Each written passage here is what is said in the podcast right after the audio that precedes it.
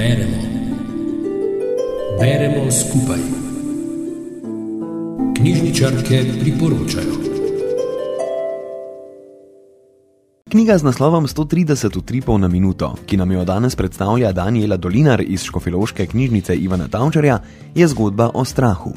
Gre za strah, ki se pojavi brez pravega razloga, ki v nas vzbuja neprijeten nemir in nas preplavi nenadoma, brez vsakršne napovedi. Ko nas zajame kot vrtinec, iz katerega se kljub razumnim besedam in spodbudam ne znamo rešiti. Tako opisuje tesnobo ali stujko anksioznost v spremni besedi knjige zakonska in družinska terapeutka dr. Barbara Kreš.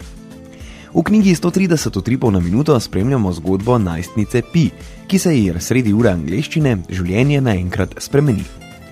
Angliščino imamo. Soba je kvadratna, približno 6x6 metrov. Ura traja že 20 minut. S prstom štejem utripe na vratu, naštejem jih 130. Ko učitelj, ki ga kličemo Pu, reče: Izvoli pi, odr je tvoj. Se stene nagnejo kot drevesa na resavi v ostrem zahodniku. Nalogo znam na pamet, tuhtam pa, kako naj vstanem, kako naj se prestopim, kako dvignem nogo. Je prepozno. Kaj pa žila, tista debela, ki vodi iz srca v možgane? Še tesni. Iz možganov in krvi se iztimi možganska krvavitev. Vstanem, vlečem se mimo stolov, mimo alme in kat in močnega deodoranta. Šepetanje v razredu in tresk, ko padem na tla. Čeprav me zmanjka samo za nekaj sekund, se v tem kratkem času blazno veliko spremeni. Tesnoba je v pino življenje prišla postopoma, kot ščemenje v trebuhu, občutek, kot da se je v njem zameštrala volnena klopka, kot globok notranji nemir. Potem je prešla v poplavo različnih simptomov: bolečine v glavi, v zatilju, drgetanje prstov na roki, prekinjajoč spanec. Dnevi, ko je energija in pogum nista in nista pošla, in na to dnevi, ki jih je prejokala. Nemir, negotovost, občutek, da je sama, da ne more zadihati, da ji razbija srce, odzvanjanje v šesih in glavi. Občutek, da tečejo zadnji trenutki njenega življenja. Na to spet dnevi miru, zatišje pred nevihto, pred ponovnim vrtincem različnih simptomov, ki jo posrka vase in ji povzroči hude strahove. A vendar je zgodba najstnice Pi, ki jo opisuje roman, zgodba s srečnim koncem.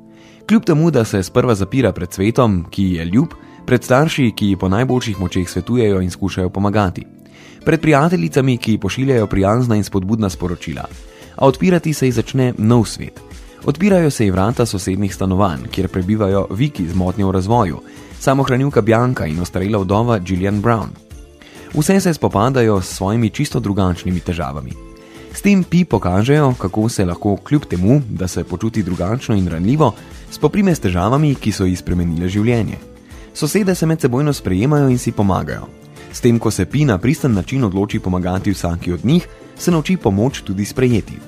Postopoma tudi strokovno pomoč vzvišenega psihiatra, ki se mu najtežje zaupa, vendar se zaveda, da je za njo to vrstna pomoč pomembna. Roman 130 utripov na minuto nam je danes v branje priporočila Daniela Dolinar. Rubrika Beremo skupaj nastaja v sodelovanju z Radijem Sora.